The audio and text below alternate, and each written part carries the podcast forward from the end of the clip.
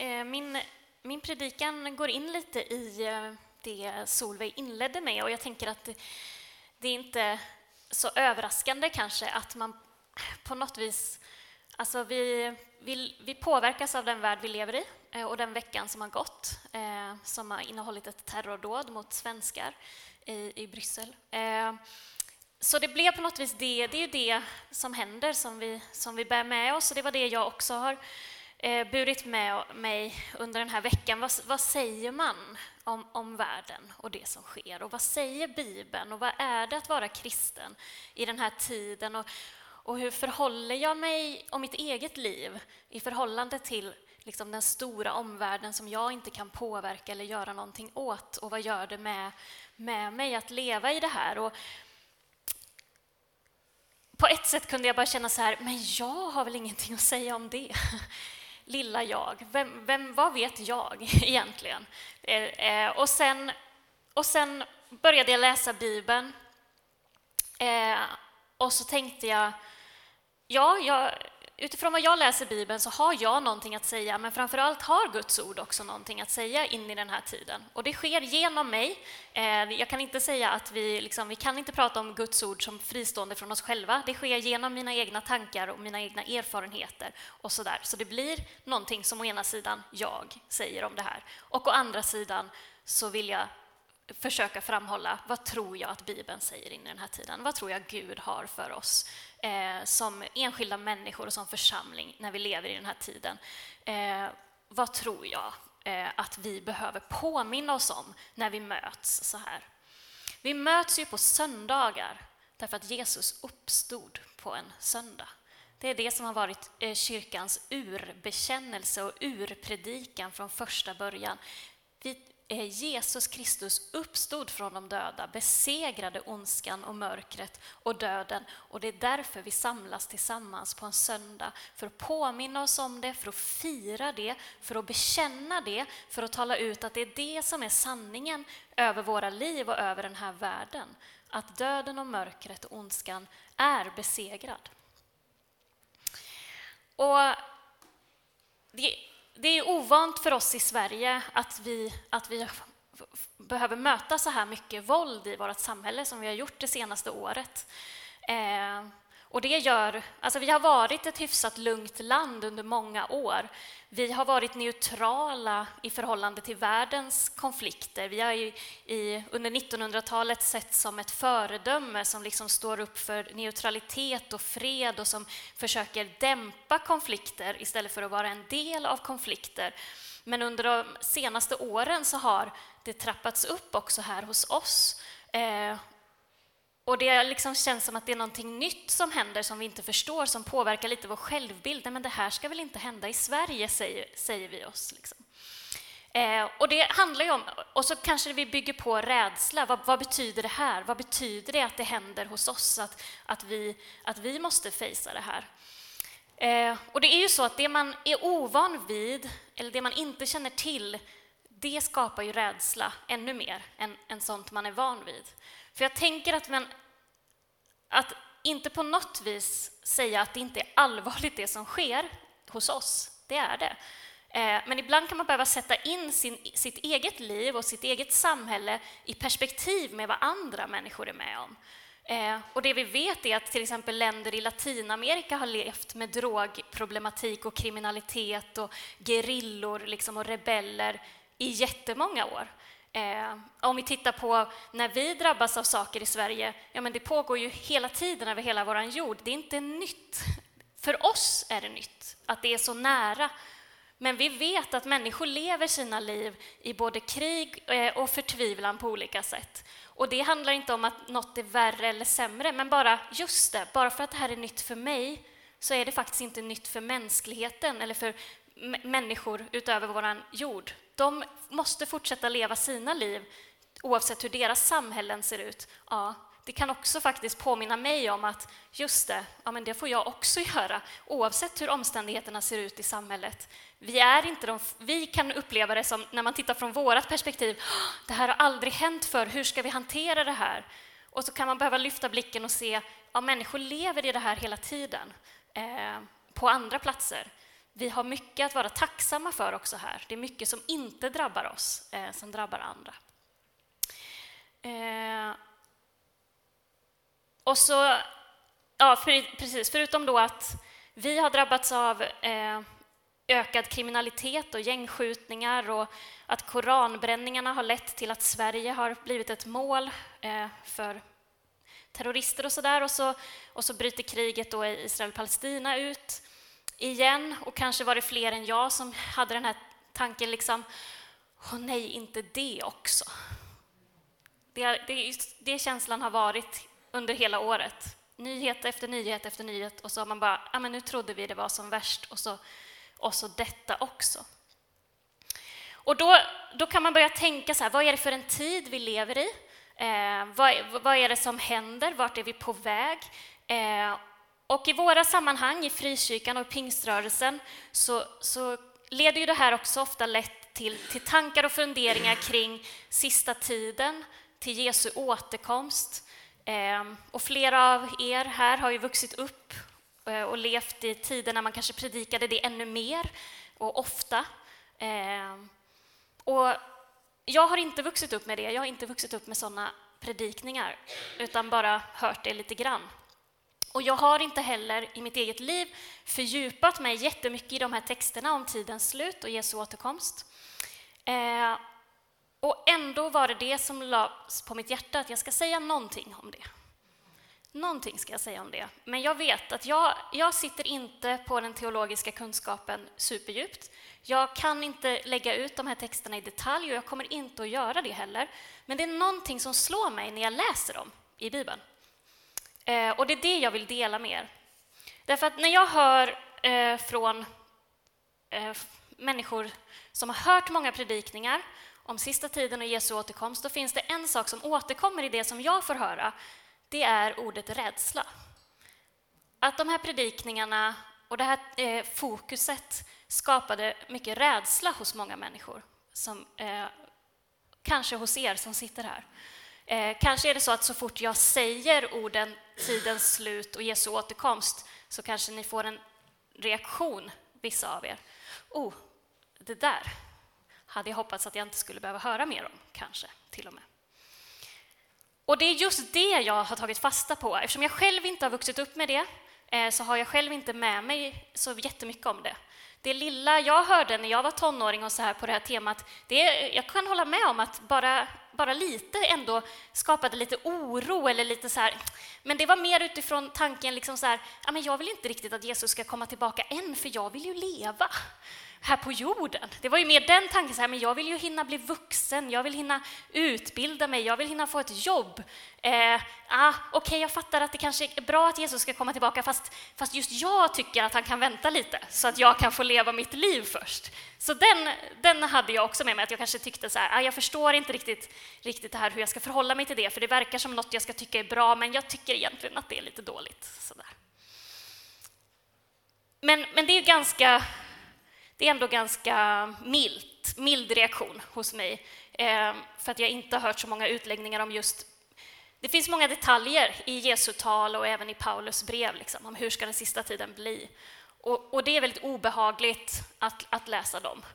Eh, men det där vill jag ta fasta på, därför att när jag läser de här texterna så håller jag med om att det är mycket detaljer kring hur det ser ut som att det ska, ska bli och sådär. Och det är som sagt, det är det jag säger, att jag kan inte lägga ut det. Jag har inte fördjupat mig i detta. Men jag tycker att man missar poängen som jag ser när jag bara läser texten rakt upp och ner. Varför talar Jesus om det här? Och det, det är inte så konstigt för att, att man kanske missar det, därför att det sägs bara en mening eller två meningar. Men det är ändå just den meningen och de meningarna som talar om motivet till varför Jesus överhuvudtaget talar om sista tiden. Vad är, vad är syftet? Eh, en av dem i alla fall, som sagt, Bibeln kan läsas från olika perspektiv. Men ett perspektiv som jag tycker är så viktigt att komma ihåg, det är att i både Matteus, i Markus och i Lukas, som återger Jesu tal, så, så säger han vad som ska hända och sen säger han, se då till att ni inte blir skrämda. Och i Markus är formuleringen bli då inte förskräckta. Och i Lukas, bli inte förskräckta. Okej, okay. så om Jesus talar om detta, men samtidigt säger bli inte förskräckta. Se till att ni inte blir skrämda. Han säger det i talet om sista tiden. Då kan ju inte poängen vara att vi ska bli rädda av det. När Jesus själv talar ut, bli då inte förskräckta. Bli inte skrämda. Se till att ni inte låter er skrämmas. Precis som eh, Solveig inledde, det står gång på gång i Bibeln, var inte rädda. Så syftet är ju snarare att förbereda lärjungarna. Att förbereda på livet kommer inte vara lätt. Saker kommer inte alltid ske så som vi önskar eller vill. Det kommer kunna hända hemska saker på den här jorden. Men var inte rädda. Låt er inte skrämmas. Och detsamma gäller ju Paulus.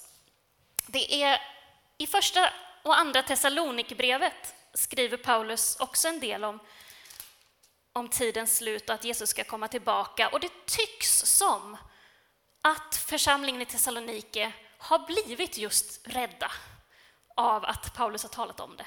Och det tycks också som att de har fått, alltså, de, alltså Paulus måste liksom skriva till dem så här, nej, nej, det var inte så jag menade, ungefär. Eh, så det är ju någonting med det här ämnet som gör att vi lätt spinner iväg i tankarna eh, och liksom kanske börjar vi måla upp egna bilder. Ah, nu sa de så där, då måste det betyda det här. Så Paulus måste skriva till dem i två brev, både i första och andra eh, brevet, för att säga nej, vad var det jag, jag menade? Eh, är i kapitel 4 i första Thessalonikerbrevet. Han beskriver vad han tror eh, ska hända. Men så, men så slutar han eh, i vers 18. Eh, och det är igen det här, det är bara en mening, men det är den meningen som kastar ljus över vad handlar det här om, alla, de här all, allt han har skrivit, alla verser innan han har skrivit hur det ska bli när Jesus kommer tillbaka. Så skriver han Trösta därför varandra med dessa ord. Syftet är tröst. Syftet är, och så går vi vidare i några verser till. Eh, eh, I kapitel 5. Han har dött för oss för att vi ska leva med honom, vare sig vi är vakna eller insomnade. Uppmuntra därför varandra och uppbygg varandra så som ni redan gör. Gång på gång så kommer både Jesus och Paulus tillbaka till att det handlar om tröst. Det handlar om uppmuntran till att inte vara rädd. Det handlar om att ge varandra uppmuntran och uppbygga varandra. Så när talet om att Jesus ska komma tillbaka hamnar i att vi blir rädda, då skulle jag vilja säga att då har man talat om det på ett felaktigt sätt. För det var inte Jesus intention. Intentionen var tröst. Intentionen var uppmuntran. Intentionen var att ge mod. Var inte rädda. Det, kommer, det kan komma att hända så här, men var inte rädda. Eh, Eh, I andra Thessalonikerbrevet fortsätter Paulus. Där är också några uttryck som... Så säger han i kapitel 2 när det gäller vår Herre Jesu Kristi ankomst och hur vi ska samlas hos honom ber vi er bröder och systrar att inte plötsligt tappa fattningen. Här säger han till dem, han, han är medveten om att när vi pratar om det här, ja då kan det bli så att vi tappar fattningen. Vi är bara enkla människor, det här är något så stort och så börjar man höra något, oj, ska det där hända? Och sen ska det där hända och då spinner vi iväg med våra tankar och våra idéer. Och så säger Paulus, mm, eh, vi ska inte sluta prata om att Jesus ska komma tillbaka, men tappa inte fattningen. Det var inte poängen eh, med, det, med detta. Eh, och vidare i samma kapitel så avslutar han, Eh, när han har talat om, om det, Må vår Herre Jesus Kristus själv och Gud vår far, som har älskat oss och gett oss evig tröst och gott hopp i sin nåd uppmuntra era hjärtan och styrka er till allt gott i gärning och ord. Må vår Herre Jesus Kristus själv, som har älskat oss, gett oss evig tröst och gott hopp, uppmuntra era hjärtan och styrka er till allt gott. Det är nyckeln till, de här verserna är nyckeln till varför eh, det talas om Jesu återkomst. Eh, det handlar om att ge hopp, att ge tröst, att ge uppmuntran och att orden ska styrka till att göra allt gott i gärning och ord. Så om orden inte gör det, om orden om Jesu återkomst inte ger uppmuntran, inte ger tröst, inte uppmuntrar mig till att göra goda gärningar eh, eller liksom fortsätta, inte att, in, att fatta mod, ja, men då kanske jag liksom inte ska lyssna allt för mycket på de orden. För syftet är att Gud vill hjälpa oss att leva i den tid som är, i den tid vi lever i, att vi ska fatta mod i det. Och då, det är liksom från det perspektivet vi behöver läsa det. Att det är ett hopp, att Jesus uppstod från de döda. Och det är bilden av vad som slutgiltigt ska ske, att ondskan ska övervinnas. Och det finns hopp och det är det vi ska ha blicken fäst på. Och det är på det sättet vi kan fatta mod. Ja, men just det, det är inte kört. Det vi ser runt omkring oss här och nu är inte allt. Vi vet att det finns, eh, att Gud har kontroll, även när det känns som att han inte har det. Vi vet att Jesus har besegrat ondskan, även om det inte känns som att han har besegrat ondskan. Och det är det som kan göra att jag kan lyfta blicken, kan få lite rakare rygg och tänka, oh, okej, okay, jag är rädd, okej, okay, det sker hemska saker omkring mig, men det är inte allt. Låt oss fortsätta, ta ett steg till, fortsätta på vandringen tillsammans med Jesus, fortsätta på vandringen i det här livet, att göra så gott jag kan där jag är. Det är syftet, det finns någonting mer. Det är inte slut. Ondskan har inte sista ordet. Jesus har sista ordet. Gud, Fadern har sista ordet. Och det är det som är anledningen till varför vi talar om att Jesus ska komma tillbaka. Därför att det finns ett hopp i det. Det finns en tröst i det. Det finns en uppmuntran i det och något som kan styrka våra hjärtan här och nu att fortsätta, att våga tro. Det här är inte slutet. Att det spelar ingen roll hur mörkt det blir i världen. Vi vet att det finns ett hopp. Vi vet att det finns en seger som väntade framme. Och från det är tanken det var det Jesus ville säga, det var det Paulus ville säga. Hämta kraft ifrån det, hämta mod ifrån det. Att orka möta en ny morgondag, att orka öppna tidningen och läsa nyheterna eller se på nyheterna på TV. Okej, okay, jag vet att det här händer, men det är inte sista ordet, det är inte det slutgiltiga.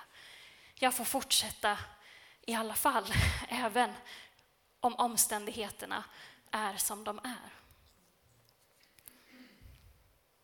Och jag tänker också på, och det är ju för att Gud är densamme oavsett omständigheterna. Det är vad Bibeln gång på gång påminner oss om. Det handlar inte om hur, hur det ser ut i min närmaste omgivning. Det är inte det som säger vem Gud är eller inte är. Det handlar inte om om jag möter glädje eller sorg. Gud är densamme. Eh, och då är också vår kallelse densamma. Oavsett om vi lever i ett land med fred eller i ett land med krig, oavsett om vi lever i trygghet eller i osäkerhet, oavsett om vi lever i ett samhälle som är fritt, där vi får vara kristna fritt, eller om vi lever i ett samhälle där det är förföljelse av kristna, vår kallelse är fortfarande densamma. Eh, och då vill jag lyfta några bibelord kring det, och då är det Apostlagärningarna 1 eh, och 6 eh, till 8 som visar detta. Att det är så... För då har ju Jesus uppstått. Lärjungarna har fått vara med om det här för fantastiska, att de har sett att döden blev besegrad. Och då är det ju så här, vad händer nu då? Så i Apostlagärningarna 1 och 6 så står det, när de nu var samlade frågade de honom, Herre, är tiden nu inne då du ska återupprätta riket åt Israel? Han svarade dem, det är inte er sak att veta vilka tider eller stunder som Fadern i sin makt har bestämt, men när den helige Ande kommer över er ska ni få kraft att bli mina vittnen i Jerusalem, i hela Judeen och Samarien och ända till jordens yttersta gräns. Jesus flyttar eh, lärjungarnas fokus. Deras fokus är är vi framme vid det slutgiltiga nu? Det är det de tänker, det är inte så konstigt. Jesus har gjort något helt fantastiskt, han har besegrat döden. Är det liksom färdigt nu? Är det nu ditt riket ska återupprättas här på jorden? Och Jesus eh, flyttar deras fokus. Det är inte, ni ska inte veta tiden och stunden, det har Gud hand om. Men det här ska ni göra. Det här är ert uppdrag. Gå ut i hela, hela världen. Ni ska bli mina vittnen, ni ska vara Guds representanter på den här jorden. Ni ska tala om det som en dag ska komma för att vi ska vara förberedda, för att vi ska kunna leva i det här och nu, även om det inte sker här och nu. Även om vi inte ser befrielse här och nu, så är det det ni är vittnen om. Det är det ni kallade om att vara ljus i den här mörka världen. Och den, det uppdraget förändras inte oavsett hur omständigheterna ser ut. Det är vårt kristna uppdrag, det är vår kallelse oavsett om vi lever i ett tryggt och säkert samhälle eller om vi lever i ett osäkert, ostabilt samhälle. Vi är kallade att vara ljus där vi är. Församlingen är kallade att vara världens ljus.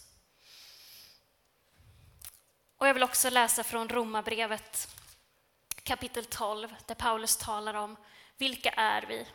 Vad, vad är vårt uppdrag? Vad, vad är församlingen? I Romarbrevet 12 ifrån vers 9. Älska varandra uppriktigt. Avsky det onda, håll fast vid det goda. Var innerligt tillgivna varandra i syskonkärlek. Överträffa varandra i ömsesidig aktning. Var inte tröga när det gäller iver, var brinnande i anden och tjäna Herren. Var glada i hoppet, tåliga i lidandet, uthålliga i bönen. Hjälp de heliga med vad de behöver, var ivriga att visa gästfrihet. Välsigna dem som förföljer er, välsigna och förbanna dem inte. Gläd er med dem som är glada, gråt med dem som gråter. Var eniga med varandra Eh, löna inte ont med ont. Tänk på det som är gott i alla människors ögon. Håll fred med alla människor så långt det är möjligt och beror på er. Hämnas inte, mina älskade. Låt dig inte besegras av det onda, utan besegra det onda med det goda. Det här är vår kristna kallelse också. Älska varandra uppriktigt. Var glada i hopp tåliga i lidandet. Var ivriga att visa gästfrihet. Gläd med dem som är glada, men gråt också med dem som gråter. Var eniga, löna inte ont med ont. Håll fred med alla så långt det är möjligt. Låt dig inte besegras av det onda, utan besegra det onda med det goda. Och detta är också vår kallelse oavsett hur omständigheterna ser ut. Lever vi i fredliga tider, i goda och välsignade tider, då är detta vår kallelse. Lever vi i oroliga tider, blir vi drabbade av lidande, förföljelse, svårigheter, då är detta också vår kallelse och det vi ska göra. Det förändras inte. Kommer Jesus tillbaka imorgon så är det idag detta vår kallelse. Kommer Jesus tillbaka om hundra år, så idag är detta vår kallelse. Det är inte ert sak att veta vilka tider och stunder Fadern har bestämt, men när den helige Ande kommer över er så ska ni gå ut och bli mina vittnen. Och vad är det vi ska vittna om? Om Guds kärlek, om hoppet, om trösten, om att det finns liv i överflöd, även mitt i den här tiden, även mitt i det här samhället, även mitt i den här världen. Och det finns för alla människor. Så Gud är densamme igår, idag och i evighet, oavsett hur våra omständigheter ser ut. Och vår kallelse som kristna är densamme, oavsett hur våra omständigheter ser ut. Och talet om att Jesus ska komma tillbaka, det, ett, det ska vara ett tal av hopp, ett tal av tröst, ett tal av uppmuntran.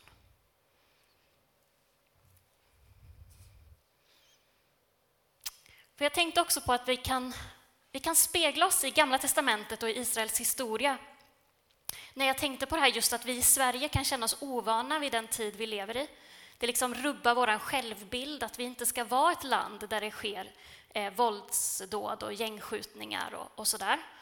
Och då, och då, tänkte jag på att det går att spegla det, våra, det sättet att tänka.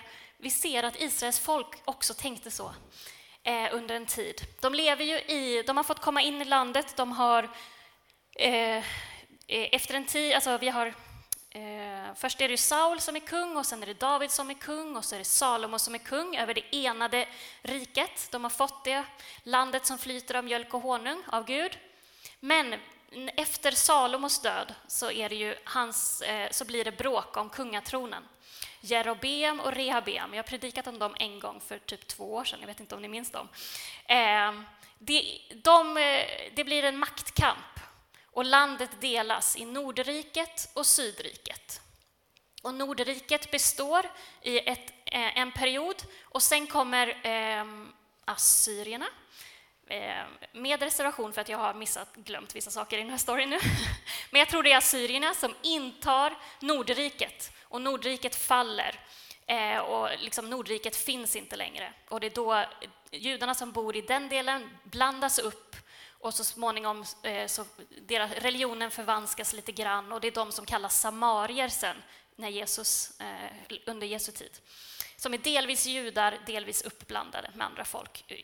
Men Sydriket i alla fall, de, blir inte, eller de står emot eller blir inte attackerade. De finns kvar. I Sydriket finns Jerusalem. I Jerusalem finns templet.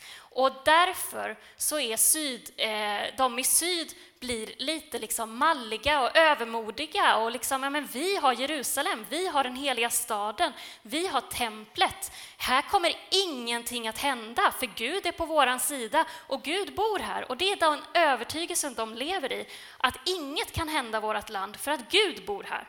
Och Gud bekräftar, ja visst, det är mitt folk och det är min, men vet ni vad? Eh, genom olika, flera olika profeter talar in i Sydriket och säger ni kommer bli eh, attackerade också. Jerusalem kommer att falla, templet kommer falla. Men folket säger nej, de tror inte på det. det är, nej, nej, vi har ju Jerusalem.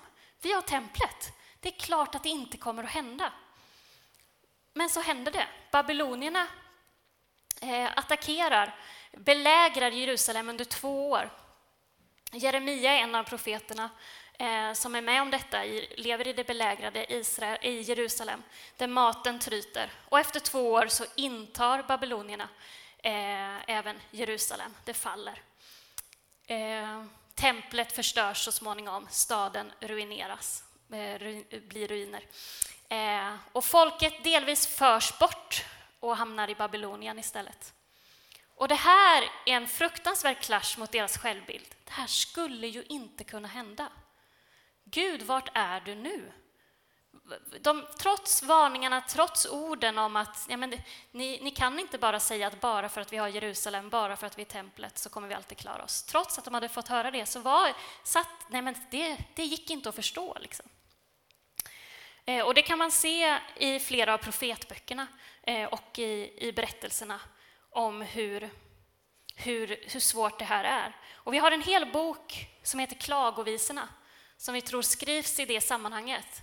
Jerusalem är förstört, sorgen bara dryper från de här sidorna. Vi, vi, vi vet inte var vi ska ta vägen, vi vet inte vad det är som händer. Var är Gud i allt detta? Eh, därför gråter jag, mitt öga, mitt öga rinner av tårar, för min tröstare är fjärran ifrån mig, han som ger liv åt min själ. Mina barn är övergivna, för fienden har triumferat. Sion sträcker ut sina händer, men ingen tröstare finns. Och så, och så vidare. Det, det är en stor sorg när man tittar på det som har hänt. Och, på, och det är också någonting som jag bara älskar med Bibeln, att alla typer av känslor får finnas. När vi tittar på vår värld, när vi tittar på vårt land, det är klart vi ska känna sorg. Det är klart att vi ska känna, oss, känna oss upprörda.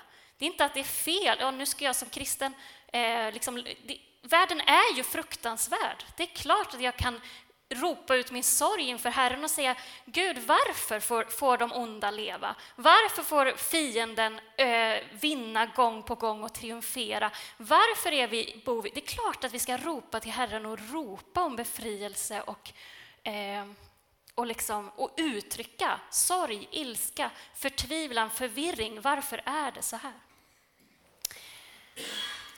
Men de blir förda till, en stor del av Israels folk blir förda till eh, Babylon och placerade där. Och då kommer det, det är intressant, det kommer dels en profet, Hanania, som säger till folket eh, ungefär så här, det är ingen fara, vi, vi kommer bara vara fångar i två år, sen kommer vi få återvända.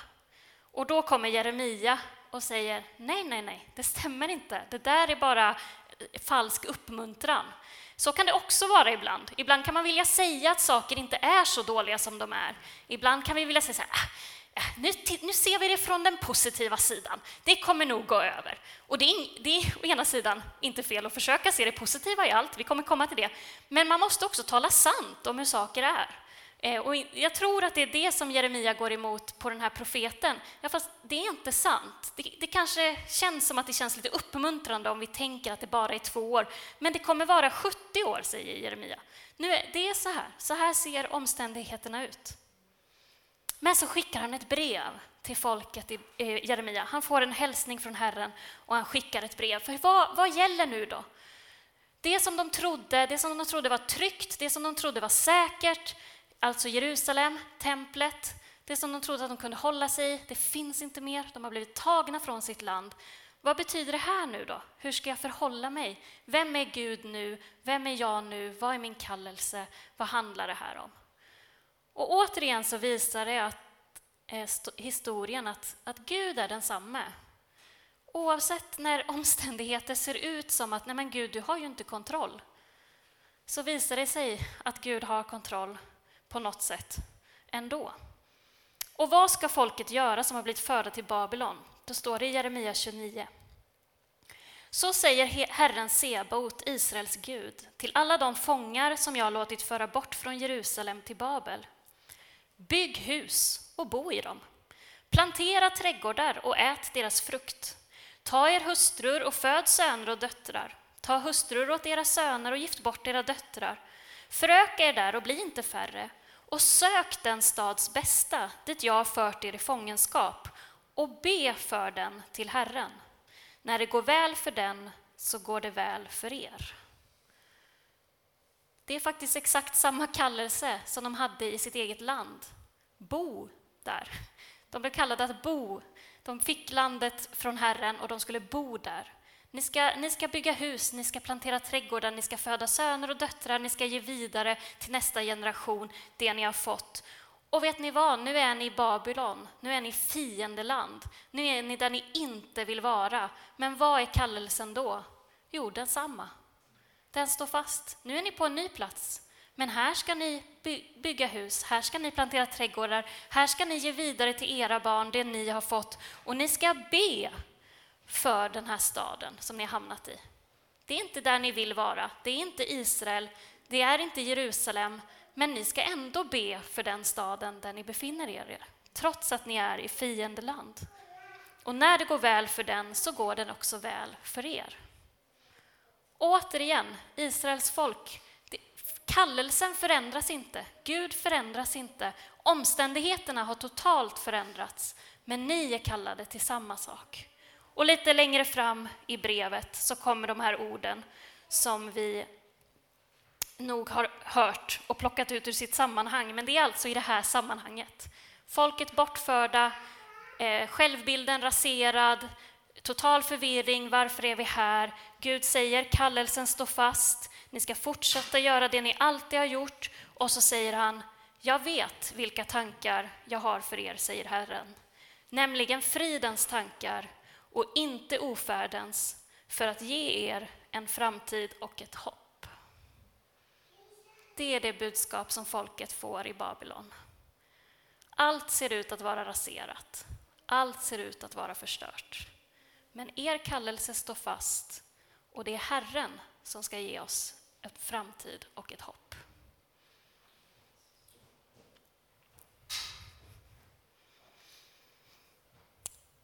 Så i den här tiden som vi lever i så vill jag säga att Gud är densamme. Igår och idag. Budskapet till Israel är samma som till oss, olika ordalag. Vi är kallade att fortsätta vara Jesu representanter på den här jorden. Fortsätta att eh, Eh, vara med och sprida hans rike. Fortsätta att älska, att göra gott. Att verka för det goda även när det ser ut som att ondskan håller på att vinna. Och det är Gud som ger oss framtid, en framtid och ett hopp. Nej, tittar vi på mänskligheten då ser det inte ut att finnas någon framtid och något hopp. Men vi tittar inte bara på mänskligheten, vi lyfter blicken och ser han som har skapat himmel och jord. Han håller hela världen i sin hand. Han håller också våra egna personliga liv i sin hand. Några konkreta saker som jag tänkte på. Vad fyller du dig med? Vad fyller jag mig med i den här tiden? Hur mycket nyheter tittar du på? Hur ofta fyller du dig med rubriker om allt som händer i världen? Å ena sidan, ja, det är bra att känna till vad som händer i världen. Å andra sidan, låter jag det ta över? Om jag gång på gång bara läser om allt som sker, att jag har notiser på min mobil som varenda gång något händer så poppar det upp, då gör det någonting eh, också med mig. Om det är det jag fyller mitt liv med, ah, nu ser det ut så där, nu händer det där. Vad fyller du dig med? Vi ska inte förneka det hemska, vi ska inte sticka huvudet i sanden. Men ändå, hur ofta är det sunt och gott för mig att titta på nyheter eller ta del av det som sker? Och vad behöver jag också fylla på med i mitt liv för att påminnas om att lyfta blicken? Att det som jag har närmast, det som sker här och nu, är inte allt. För min del personligen, jag blir väldigt lätt rädd. Jag har lätt för att, jag ligger nära rädsla och oro som min personlighet. Jag tittar inte på nyheter varje dag. För att eh, det är bättre att jag samlar ihop det och kollar av lite rubriker och lite sånt någon gång i veckan. För att jag kan inte fylla mig i det, för det matar min rädsla. Och då växer sig rädslan större än hoppet och tron på Gud. Men jag vet att det inte gäller alla personligheter. Alla, alla påverkas inte på det sättet. Men, men jag gör det, och då har jag tagit ett aktivt beslut. Jag kollar inte på nyheter varje dag. Jag går inte in på olika appar, nyhetsappar varje dag. Jag, för att jag ska må bra, för att jag ska hålla blicken fäst på det som är, som är viktigt, så behöver jag eh, begränsa det. Och nu när jag läste Bibeln inför, inför den här predikan, då blev jag påmind också om att ja, jag behöver påminna mig om Guds ord mer i mitt liv. Ibland, ja, om ni visste hur lite jag läser Bibeln ibland så skulle ni... Oh, får man vara pastor? Jag vet inte. Men det är väl bara så, vi har lite olika saker vi kämpar med. Dock har jag mycket bibelord som lever i mig, liksom, som jag på, poppar upp. Och det är ju också någonting, jag har fyllt mig med bibelorden, alltså är det de som kan poppa upp emellanåt. Eh, men precis eh, den senaste tiden har jag varit i en period där jag, där jag själv aktivt inte har liksom suttit så här. Och det blev jag påmind om nu, just det. Jo, jag behöver fortsätta att fylla på. Ja, jag har fyllt på en gång. Ja, eller en gång, men ni förstår, liksom, tidigare i livet. Och ja, de poppar upp, men oj, jag behöver också påminna mig om Jesu ord i Johannes 14, till exempel. Låt inte era hjärtan oroas.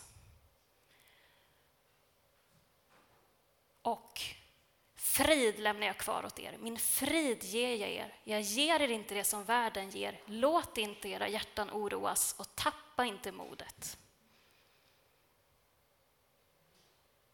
Och som Fadern har älskat mig så har jag älskat er bli kvar i min kärlek. Jag själv fick bara, oh, det är det här jag behöver fylla mig med också i mitt liv. Och så kanske vi emellanåt behöver tala om vår rädsla. Jag och Johan, jag frågade Johan, när är du rädd? häromdagen. Det visade sig att han var inte så rädd. vi är helt olika personligheter. men just att faktiskt inte stanna kvar i, men någon gång ibland, hur, hur ser du på det som sker i världen? Känner du rädsla? Och så delade jag min rädsla och han delade, ah, okej, okay, jag tänker så här. Det kan vara gott att tala om det på det sättet emellanåt. Men att inte fylla på rädslan, inte mata rädslan genom att ständigt höra om allt som sker över hela världen. Det tror jag. Och fylla på av det som är gott. Påminna oss för varje söndag att vi firar uppståndelsen från de döda. Jesus som har besegrat ondskan och mörkret och vi får fästa vår blick på honom för att hålla ut, för att fatta mod, få tröst och hopp om att fortsätta en dag till, ett steg till, oavsett hur omständigheterna ser ut. Vi ber tillsammans. Ja, Jesus, här är vi. Små människor, uppfyllda av saker vi har i vårt liv, saker som sker i världen. Lätt för att emellanåt spinna iväg och mata vår rädsla och oro och ibland känna oss förvirrade och hjälplösa och små i den här stora världen, Gud. Jag tackar dig, Herre, för att vi får påminna oss om vem du är. Att du är konungars konung och herrarnas herre. Att du håller hela jorden i din hand. Att du som har kallat oss är trofast. Att du är densamme igår och idag. Att din kallelse över våra liv ligger fast oavsett hur omständigheterna ser ut, Herre. Att din kärlek till oss ligger fast oavsett hur omständigheter ser ut, oavsett vad jag, hur jag själv känner mig. Jesus, jag ber att ditt ord ska få ge oss mod, ge oss tröst, ge oss uppmuntran att fortsätta leva våra liv tillsammans med dig, oavsett hur omständigheterna ser ut. Hjälp oss som församling att vara ett ljus för den här bygden, Herre, i det mörker som finns. Hjälp oss att känna igen ljusen, ljuset när vi ser det att vi inte bara fäster vår blick på det som är mörkt och det som är tungt, utan precis som Solveig också sa, påminna oss om det som är, finns av ljus och glädje i livet och i världen, Herre. Hjälp oss att fylla på i våra liv av det som är gott, som stärker oss. Och hjälp oss att överlämna vår rädsla och vår oro till dig. Dela den med varandra, dela den med dig och så lyfta blicken och se längre än det vi själva klarar av. Tack helige Ande för att du är vår hjälpare. Att du vill ge oss frid i situationer som inte ger någon frid. Att du vill ge kärlek när världen tycks bara hatfull. Att du vill ge oss glädje när det ser ut som att inget finns att glädja sig över. Tack för att du är den som fyller oss med liv. I Jesu namn. Amen.